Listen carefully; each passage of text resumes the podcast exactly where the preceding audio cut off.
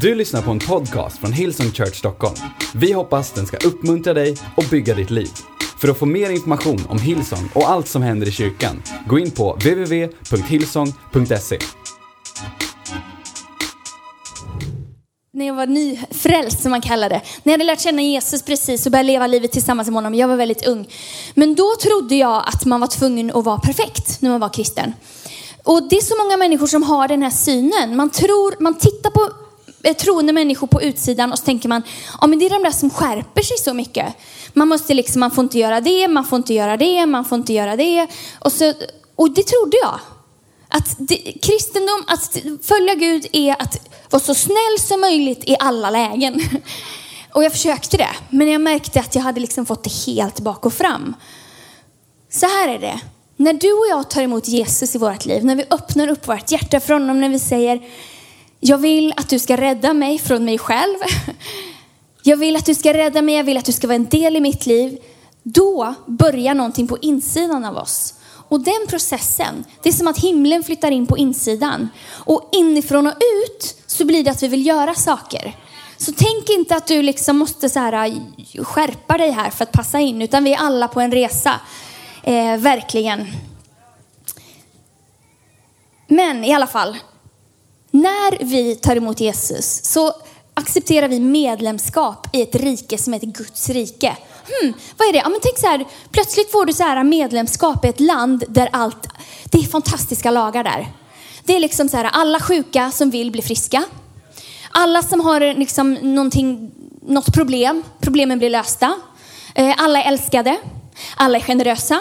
Det finns en, en god far, en god liksom, eh, regent som bara ser till att alla får allting de behöver. Och det medlemskapet har du.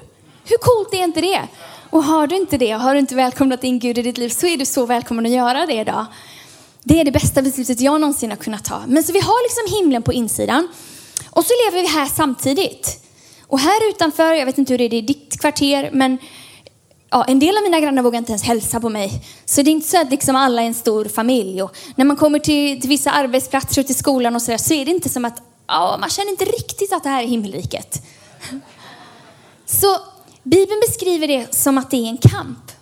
Det är en kamp på insidan av oss och det är en kamp på utsidan av oss. Jag vill bara säga från början att, det blir lite så här, nästan bibelskola här. Du kan komma på evening college så får du veta mer. Men eh, egentligen är det ingen, ingen kamp för att Gud har redan vunnit segern. Han har redan gjort allting för att vi ska kunna komma till honom. Men just nu är vi här och tills han väljer att bara rädda oss från alltihop så är det en kamp. Det är en kamp på insidan, en kamp på utsidan. En fight. En fight för Guds rike. En fight för att Guds rike ska få fäste ännu mer i dig. Att du ska känna ännu mer hopp. Att du ska fyllas med tro. Att du ska fyllas med kärlek. Att du ska, att du ska bli helad i din kropp. Så på insidan, men också på utsidan. Att de utmaningarna du har, att du kan använda Guds namn till exempel. Och så kan bra saker hända. Okej, okay, så Guds rike. Um, och i den här fighten då, så har vi redskap eller vapen. Vapen tycker ni det låter lite krigiskt? Välj redskap om du vill. Jag tycker att det känns så här redskapsgymnastik. Men eh, i alla fall, vi har fått bland annat tre vapen i den här fighten som jag bara skulle vilja tala om idag. Är det okej? Okay? Exakt det här talade jag faktiskt om för våra heroes på summer camp. Så om ni föräldrar undrar om vad vi talar om, så vad de vet som inte du vet än. Eh, här kommer det. Men de här vapnen, de har du liksom framför dig. Du har dem och kan använda. Och kanske är det liksom, du kommer känna igen dem en del om du har liksom vuxit upp i kyrkan eller varit här ett tag. Men man tittar på dem på utsidan och så ser de kanske inte så mycket ut. Det är lite som dynamit. Jag vet inte om det är någon som har dynamit hemma? Inte jag. Vi har sett det på bild. Dynamit ser lite brunt. Man har sett sån här dynamit, eh, jag vet inte om det ser ut så, men liksom, det ser inte mycket ut för världen. Men kraften i dynamit är liksom explosion. Och så är det lite med de här vapnen också. Man bara, ja det där har jag talas om och det där ser lite torrt ut. Mm -hmm. Du måste öppna det, okej? Okay? Du måste applicera det, du måste använda det. Då ser du att det så här exploderar i ditt liv. Så om du bara tycker att du har tillräckligt, du behöver inte mer kraft, du behöver inte ha det bättre än du har det, du har inga utmaningar i ditt liv. Då kan du slappna av, kan du bara surfa, på din telefon, du har min tillåtelse. Men om du vill ha mer, om du vill verkligen uppleva att Guds rike är här i ditt liv, om du vill se mer saker hända i din omgivning som bara är övernaturligt. Följ med mig. Okej. Okay. Och det är lite som, ett, för ett tag sedan var vi på pistolskytte. Det blev tyst. Ja, jag har aldrig skjutit ett vapen i hela mitt liv. Förrän vi var på det här pistolskyttet. Det var så kul. Det var en kompis till mig som är pistol. Vi sköt på pappersgrejer. Okej, okay. ni vet, sen måltavlor, inte levande måltavlor. Eh, men då hade vi en instruktör med oss som berättade hur man skulle göra. Man skulle hålla pistolen på ett särskilt sätt. Man skulle, ja, jag ska inte visa. Hur man skulle göra för att kunna sikta, hur man skulle kunna använda sitt vapen. Och så många troende vet inte hur man ska använda de här vapnen. Så idag är jag din polis, eh, inte polis, din instruktör, pistolinstruktör om du vill se det. Eller vad du nu gillar för vapen eller redskap i ditt liv. Okej, okay, den första, Bibeln. Hmm. Jag sa, ser inte mycket ut för världen, men det här är ett vapen som du har. Kanske på ditt nattduksbord, kanske i din bokhylla dammig, kanske i din telefon. Kanske använder du det här och du bara, ah, jag har hört talas om Bibeln, jag kan allting. Lina, jag har, varit, jag har känt Jesus i 30 år. Ja, men det finns alltid mer. Det är så häftigt.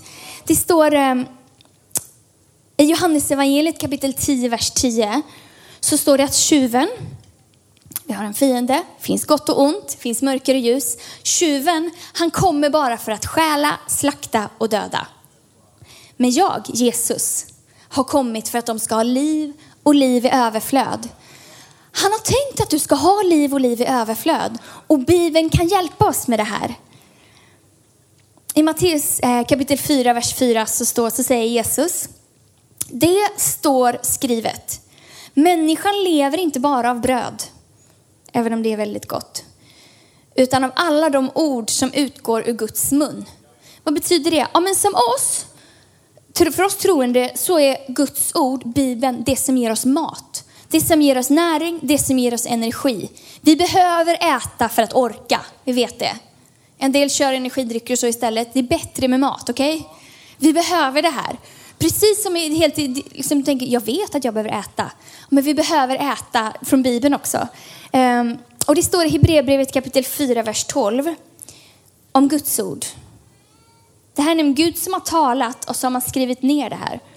Guds ord är nämligen levande och verksamt. Det är skarpare än ett dubbelägat svärd och det tränger djupt in i vårt innersta. Det åtskiljer Själ och ande, leder och märg och avslöjar hjärtats uppsåt och tankar. Okej, okay, det här ser lite mer ut för världen, eller? Guds ord är som ett svärd. Det som är så coolt med det här svärdet är att det funkar åt två håll. Det funkar mot dig. Vadå? Ja, men ibland är ju kriget på insidan, eller hur? Ibland är det liksom dig själv som du krigar mot. Är det att du avskyr dig själv? Det var någon som bad för det, bad om att han skulle lära sig älska sig själv. Är det mot oro? Är det mot hopplöshet? Är det mot depression? Vad det än är. Då kan Guds ord hjälpa dig på din insida. Men det hjälper också på utsidan. Och när vi läser Guds ord och när vi talar Guds ord, då händer det saker. Det är som att man bara, jag kan inte göra det med en arm här, arm här. jag ska inte ha en mikrofon, svingar ett svärd.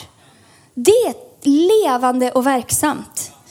Använd Guds ord. Hur ska vi kunna, hur ska vi kunna veta vad vi ska be om vi inte vet vem Gud är? Guds ord, Bibeln, svarar på två jätteviktiga frågor. Den ena frågan är vem Gud är och den andra frågan är vem jag är. Det är två liksom påståenden när Gud egentligen har satt två utropstecken. Han har berättat vem han är. Han är god, han är stark, han är mäktig, han är kapabel, han är närvarande, han är helig, han är din läkare, han är din försörjare och så vidare. Och sen så kommer våran fiende och vill sätta ett frågetecken framför det här. Är han verkligen god? Är han verkligen närvarande? Älskar han verkligen mig? Kan han verkligen göra saker? Men hur ska vi någonsin veta vem Gud är om vi inte läser det som han har sagt, där det står vem han är. Och samma sak är det när det gäller oss själva. Gud har sagt, du är underbart skapad. Du är högt älskad. Jag har skapat dig till min avbild. Jag har lagt ner min identitet i dig. Mitt blod rinner i dina ådror. Du är skapad för ett syfte. Du har fantastisk framtid. Massa utropstecken. Och så kommer våran fiende eller kanske vår klasskamrat, jag vet inte. Och sätter massa frågetecken på det här. Och hur ska vi veta vem vi är? Hur ska vi veta? Det finns så många människor som vill tala om för oss vem vi ska vara, hur vi ska se ut, vad vi måste göra för att passa in, att man måste vara på ett speciellt sätt, att man måste vara, hur det nu är, helt perfekt. Hur ska vi veta vilka vi är om vi inte använder det här vapnet? Min älskade vän, du kanske tycker att Bibeln verkar torr och tråkig. Ja, det kan den se ut på utsidan, men den kan förvandla ditt liv. Och är du här som du bara, men jag har en bibelläsningsplan, jag brukar läsa Bibeln. Tänk att det finns mer. Tänk om Bibeln skulle kunna bli ännu mer levande för dig. Okej? Okay? Så, här är några tips. Hur kan bibelläsningen bli rolig?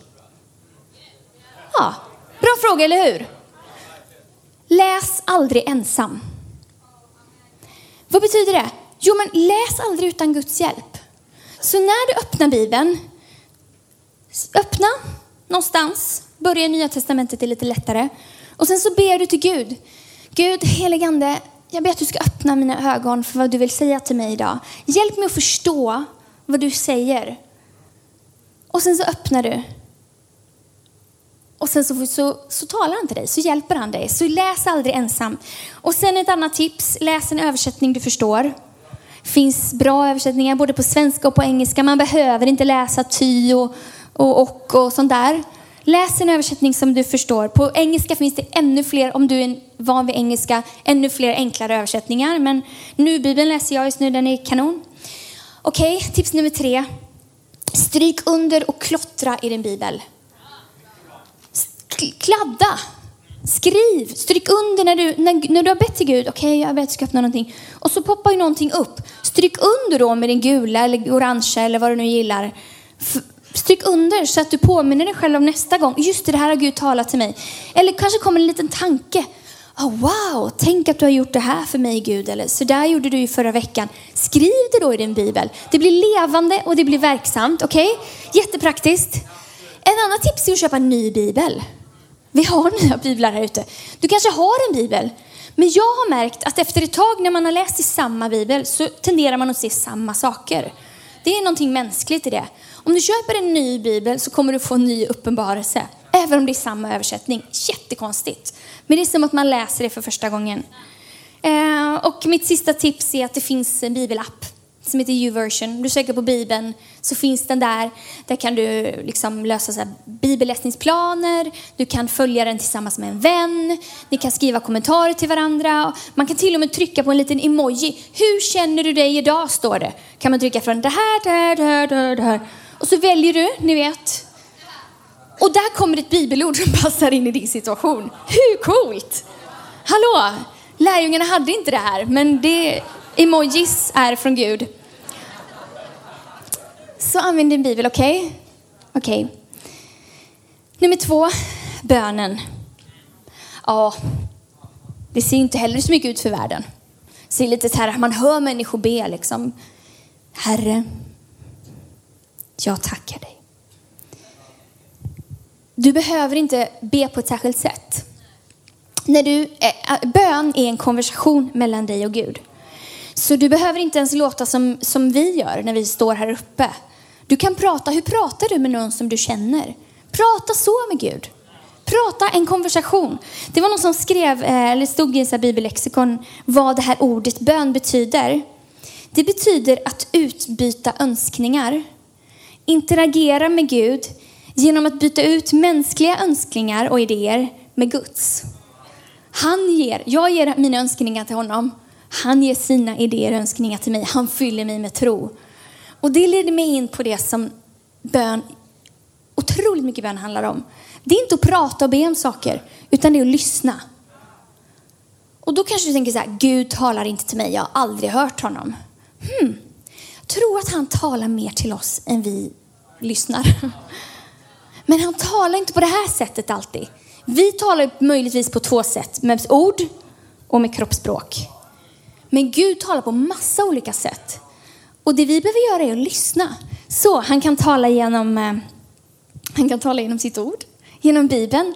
Det är ett jättevanligt sätt för mig.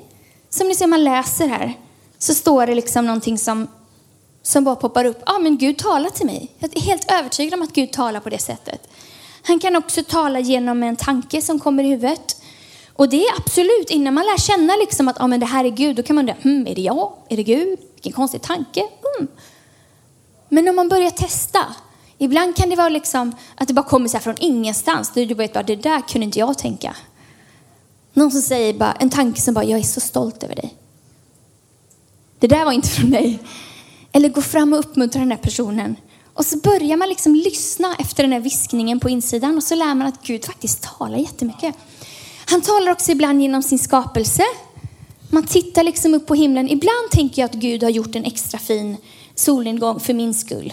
Jag tror att vi har de finaste solnedgångarna i Bollstanäs. Jag bara säger det. Finaste i himlen för han vet att jag gillar det. Och på det sättet, en regnbåge. Det står i Bibeln att han satte upp en regnbåge för att tala till sitt folk och berätta, jag har ett förbund med er nu. Jag kommer aldrig överge er och jag kommer aldrig mer dränka hela jorden var det i det fallet. Han använde sin eh, skapelse för att prata med oss. Och så använder han andra människor. Kanske är det så att jag är här, det är bara Guds, tack gode Gud att han kan använda mina ord och dela upp dem på liksom flera hundra olika sätt så du behöver höra, får höra det du behöver höra. Gud använder andra människor. Det kanske är någon mening som jag säger här idag, som jag kanske till och med är omedveten om att jag säger, som Gud använder för att uppmuntra dig för veckan. Tänk inte att det är en tillfällighet. Och det är inte så att din mamma eller din kompis har berättat för mig innan vad du behövde höra. Ibland kan man tro det bara, prata ju till mig. Nej men det är Gud som vet vad du behöver höra. Han vet vilken situation du är i och han bryr sig. Så han talar till dig idag. Jag tror att han verkligen talar om vi bara är öppna. Så jättestor del av bön är att lyssna. Men sen har han också sagt att vi får be. Ehm, det står i Matteus kapitel 7, vers 7. Be, så ska ni få. Sök, så ska ni finna. Knacka på, och dörren ska öppnas. För den som ber han får, för den som söker han finner och för den som bultar ska dörren öppnas. Vi får be. På ett ställe i Bibeln står det, ni får inte för att ni ber inte. Han säger att vi får be. Det står också i Johannes 14 och 14. Om ni ber om något i mitt namn, Jesus, då ska jag göra det. Hur, vilket löfte! Det är ett vapen. Om du läser din bibel så inser du att det finns sådana löften. Hur ska du kunna veta att du kan be för saker om du inte har lärt dig vem Gud är och vad han svarar på bön? Hur vet, hur ska du veta? Du kan be om vad som helst i hans namn och han ska ge det. Ofta så ger han oss ännu större tankar om vi bara lyssnar på honom också. Men det är coolt. Så hur kan man be då? Några tips? Okej? Okay? I Matteus kapitel 6, vers 6 så står det, nej, när du ber. Det står så här, gå inte ut och skryt och bara ha fina böner och så där står det innan. För att få liksom cred. Men när du ber, gå då istället in till ditt rum och stäng dörren om dig. Låt din bön vara en hemlighet mellan dig och din far i himlen. För han vet allt och ska belöna dig. Så vad betyder det här? Jo, men gå in till ditt rum och stäng dörren efter dig. När man är ensam i ett rum, då har man tagit bort allt som distraherar. Och jag tror en utmaning för oss är att vi har så mycket som distraherar hela tiden.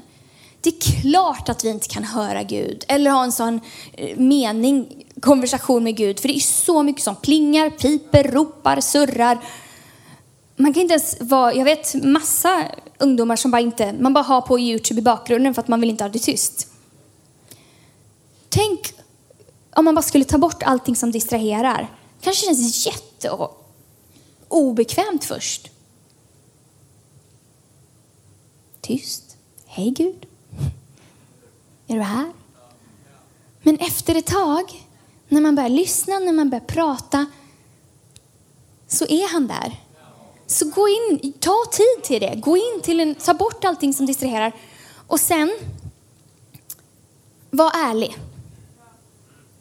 Han ser liksom igenom våra så fina böner eller allting ändå. Så det är mitt andra råd om bön. Var ärlig. Du behöver inte ha liksom, du behöver inte tänka att oh, jag måste be så här eller måste försöka visa Gud. Han vet allt om dig, okej? Okay? Du kan prata med honom. När man tittar på David i Bibeln, han bad idiotiska böner ibland. Verkligen. Så man bara, hur tänkte du nu? Men Gud lyssnade på honom och svarade på det som han valde att svara på. Det är ju därför han inte alltid svarar på våra böner också. För vi ber idiotiska böner, men det är okej. Okay. Han älskar oss Och han ger allting till oss som vi behöver och som är bra för oss. Okej, okay, bön. Jag vet. Det ser ut som dynamit. Torrt. B. Det finns liksom inte, det är inte ens en cool titel. Men om du upplever, om du märker kraften i det, det är som dynamit. Jag träffade en, en tjej här som är med i vår kyrka förra veckan. Hon berättade att jag börjat be för folk så här. Igår, eller i veckan bad jag för någon som var blind som fick en syn. Hon bara, jag måste hitta fler. Och här, så hon liksom har börjat uppleva kraften i det. Hur coolt? Hur coolt? Vilken kraft det finns i bön, det är ett vapen. Okej? Okay? Och ibland då, när vi ber, det är bra att be enligt med Guds ord också, men ibland när vi ber så känns det som att det inte händer någonting. Vet inte om du har varit med om det någon gång. Abraham han fick ett löfte från Gud, sen dröjde det 25 år. Hoppas att det går fortare för oss tänkte jag säga. Men ibland så ber man för någonting och så tänker man, man ser ingenting i det mänskliga. Så tror man att Gud inte hör. Vet du vad? Gud hör. Men ibland så behöver vi fortsätta be. Så om vår utmaning ser ut som en mur, vi tar bort svärdet här, det var så otympligt. Och så ber du till Gud. Jag vet inte vad du har för, för utmaning. Gud, jag ber för uh, jag ber för den här relationen som jag har med den här personen.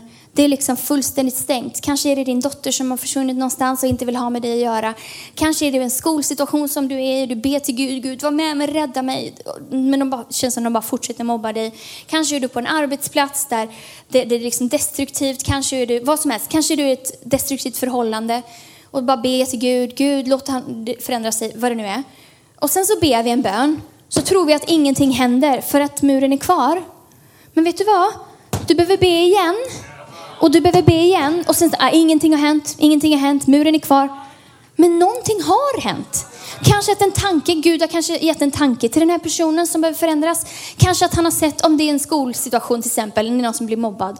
Kanske att en, en, lärare plötsligt ser, sen ber man en bön till. Kanske att det är någon som vågar stå upp för den här i skolan, en bön till. Kanske att föräldrarna plötsligt liksom upptäcker att den här personen behöver hjälp.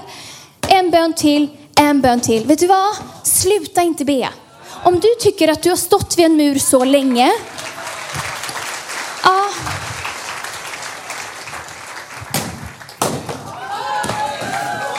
Vet du vad? Om du tycker att du har stått vid en mur så länge och bett, sluta inte be. Hör du mig? Du kanske tror att den här muren är liksom här uppe. Gud svarar inte på bön, han hör inte mig. Vet du det? Det är fienden som försöker stå in lögner i dig. Han hör, han kan och han agerar. Men ibland är hans tid så mycket annorlunda än våran tid. Och vi måste lita på honom. Att han är god, att han vill göra saker och att han kan göra saker. Så sluta inte be. Be. Be med dina taffliga ord liksom om du känner det. Gud hjälp! Fortsätt be varje dag. Det kommer hända någonting till slut. Så ge inte upp, okej? Okay? Ge inte upp. I det synliga ser det inte ut som något har hänt, men i det osynliga har massvis hänt. Okej. Okay. Det var Bibeln och det var bönen. Härliga vapen. Tänk om vi alla skulle faktiskt börja använda de här vapnen. Vi skulle bli livsfarliga. Jag har en bild som jag glömde visa i början. Har vi den? En bild med lite ljus. Precis. Den här har vi använt. Den, är nog liksom, den visar egentligen när det är elektricitet. Men tänk så här. Där det är ljust, där är du.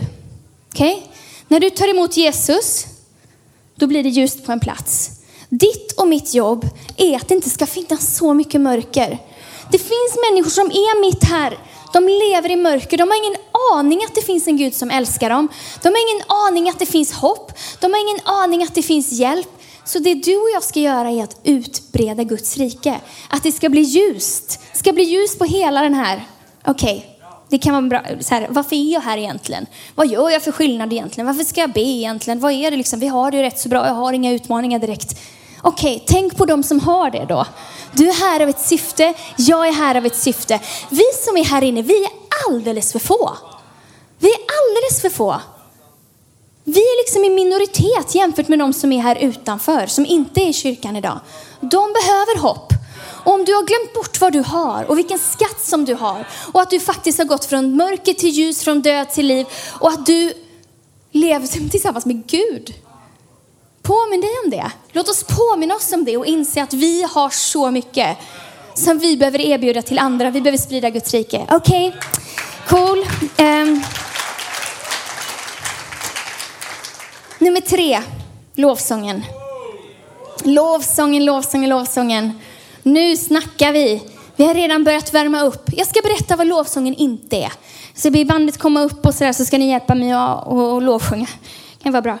Jag ska berätta vad lovsång inte är. Lovsång är inte några klappiga sånger som vi sjunger i början av ett möte för att få dig pepp. Eller att få dig på gott humör. Eller för att du ska känna att det blir en fin atmosfär här inne. Lovsång är ett vapen. Det är därför som vi säger, kom igen, nu lovsjunger vi Gud. För att du ska förändras. Kom ihåg, lovsång, alla de här vapnen eh, kan appliceras på insidan och på utsidan. Väldigt mycket på insidan. Så när vi läser Guds ord, som jag sa, så, så lär vi oss, vi vinner fighten på insidan.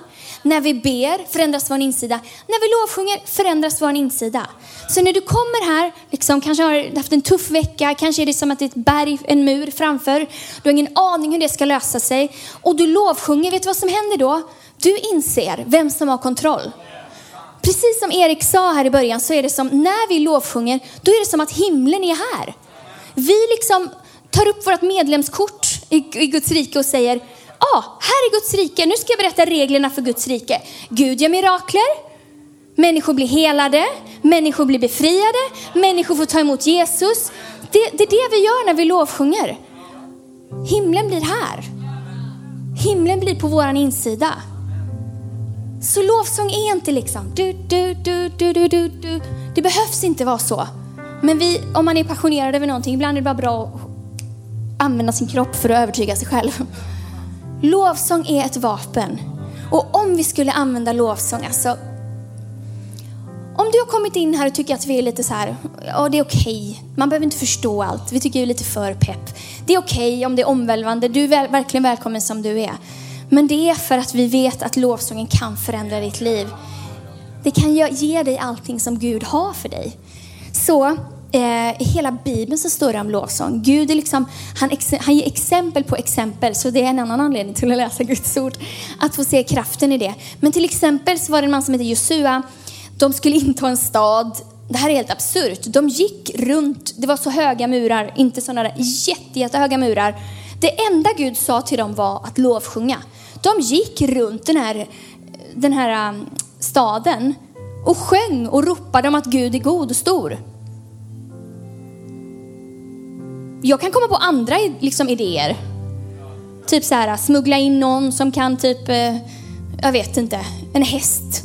Troja, det gjorde de ju där till exempel. Om det är någon som har läst historia. Nej men Gud, och där vet du vad som hände? När de lovsjöng, då föll de här murarna. Och gång på gång så visar Gud att när vi lovsjunger, när vi berättar för oss själva och för det osynliga om vem Gud är, då visar sig Gud vem han är. Han visar, okej okay, människor, det är inte ni. Ni är fantastiska och jag har skapat er till min avel, men det är inte ni som har makten, utan jag har makten. Kolla vad jag gör. Ett annat ställe eh, i Nya Testamentet är Paulus och Silas. Så coolt, det här älskar jag. Eh, I Apostlagärningarna kapitel 16, vers 25 och framåt. Då är Paulus och Silas, en del av er har hört det här förut, de är i fängelset. Det var längst ner, det var mörkt, det var eh, säkert råttor, det var, de hade blivit piskade. De satt i en sån här stock, liksom fastbundna. Eh, bara för att de hade hjälpt en, en slavtjej eh, faktiskt. Och blev fri. Men runt midnatt står det, satt sen Paulus och Silas och bad och sjöng. De sjöng lovsånger till Gud medan de andra fångarna lyssnade. Då kom det plötsligt ett jordskalv som var så kraftigt att fängelset skakades ända ner i grunden. I samma stund flög alla dörrar upp och kedjorna föll av fångarna. Okej, okay, hur coolt är inte det här? Så, vi måste bara stanna här för du kanske bara hört den här för många gånger så att du inte fattar liksom, ser det stora i det här. Så vad är det som händer? För det första är det mitt i natten. Om vi ska tänka utifrån vår egen situation. Det är mitt i natten. Det står att det var vid midnatt. Det är när det är som mörkast. Kan vi släcka ner lite? Lite grann bara. Eh, det var helt som mörkast. Kanske är du i en situation där det är som mörkast just nu. Du har ingen aning. Alltså du, du finns ingen, du kan inte ens mana fram ett hopp på insidan. Du har försökt allt, det är som en svart vägg. Då valde de att lovsjunga. Inte för att det var rimligt kanske. Jag vet inte. Inte för att det liksom, inte för att de kände för det, men för att de visste kraften i det. Så där när allting kändes som värst, då började de att lovsjunga. Och det andra som jag tänker på var att det andra människor hörde. Du kanske tänker så här, ah, men jag behöver inte lovsjunga. Ja, men det finns andra människor som behöver höra dig lovsjunga. Så de lyssnar liksom, de här andra fångarna som var där. Så när du kommer på en söndag och bara, jag känner inte, jag behöver inte Gud, jag har mött honom. Någon annan bredvid dig, okej? Okay? Någon annan bredvid dig behöver höra din lovsång och behöver få ta del av kraften, för den kommer här. Okej, okay, vad hände då? Fängelset skakades. Alla blev fria. Inte bara Paulus och Silas som hade lovsjungit, utan alla blev fria. Hur coolt? Tänk, Gud är samma, han, han eh, är likadan idag. Han är densamma igår, idag i all evighet. Så om han gjorde det genom Paulus och Silas lov, lovsång, då kan han göra det genom våran lovsång. Så ibland så tänker jag, oh, jag vet inte hur jag ska göra, jag vet inte hur jag ska be. Ja, men börja lovsjunga då. Okej? Okay? Du behöver inte ha en bra röst. Gud lyssnar inte på sånt. Det är därför vi har ganska hög volym, för att, inte vi, för att alla ska känna sig fria och sjunga faktiskt. Men börja lovsjunga, börja berätta för dig själv vem Gud är. Börja berätta för det osynliga vem Gud är. Börja liksom, så hur, hur är det då? Ja, men, eh, här är jag i mitt fängelse. Det är okej okay om ni inte ser mig där bak, för de satt ju längst ner i fängelset. Ehm, det var absolut mörkt. Och jag vet inte vad man ska liksom likna ett fängelse vid. Kanske lider du av depression. Kanske är du i en hopp, helt hopplös situation. Jag vet inte vad det är. Kanske är det ekonomiskt. Liksom. Att du bara har så mycket skulder så att du ser ingen utväg. Kanske är det... Jag vet inte vad det är. Du vet det. Gud vet det. Och mitt i den här mörka situationen börja lovsjunga. Undrar vad som skulle hända då? Jesus, våran räddning, våran frälsning är i hans blod. Verkar som ingenting händer. Jesus, ljusets Herre, vän för evigt, hans rike kom. Det verkar som ingenting händer. Man känner sig liksom dum så här. Jag känner ingen skillnad. Gud gör ingenting. Men när man skulle fortsätta sjunga. Jesus. Okej, okay, jag provar igen. Jesus, våran räddning, våran frälsning är i hans blod. Någonting händer. Jesus, ljusets Herre, vän för evigt. Okej, okay, hans rike kom. Så jag tänker så här, oavsett vilken, vilket mörker du befinner dig i idag, eller vilket mörker din granne befinner sig i idag. Lovsjung för det hela friden. Jag har inga tips när det gäller att lovsjunga. Det enda jag kan säga är lovsjung. Just nu, lovsångare, ni får jättegärna komma upp och hjälpa mig. Oavsett vilken situation du befinner dig i, om det är depression, om det är modlöshet, om det är, ja det är okej, ni får ställa er upp.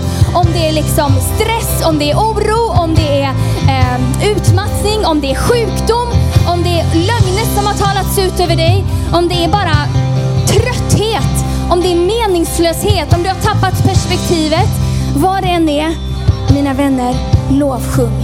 För vet ni vad Bibeln säger? Sjung ut hela himlen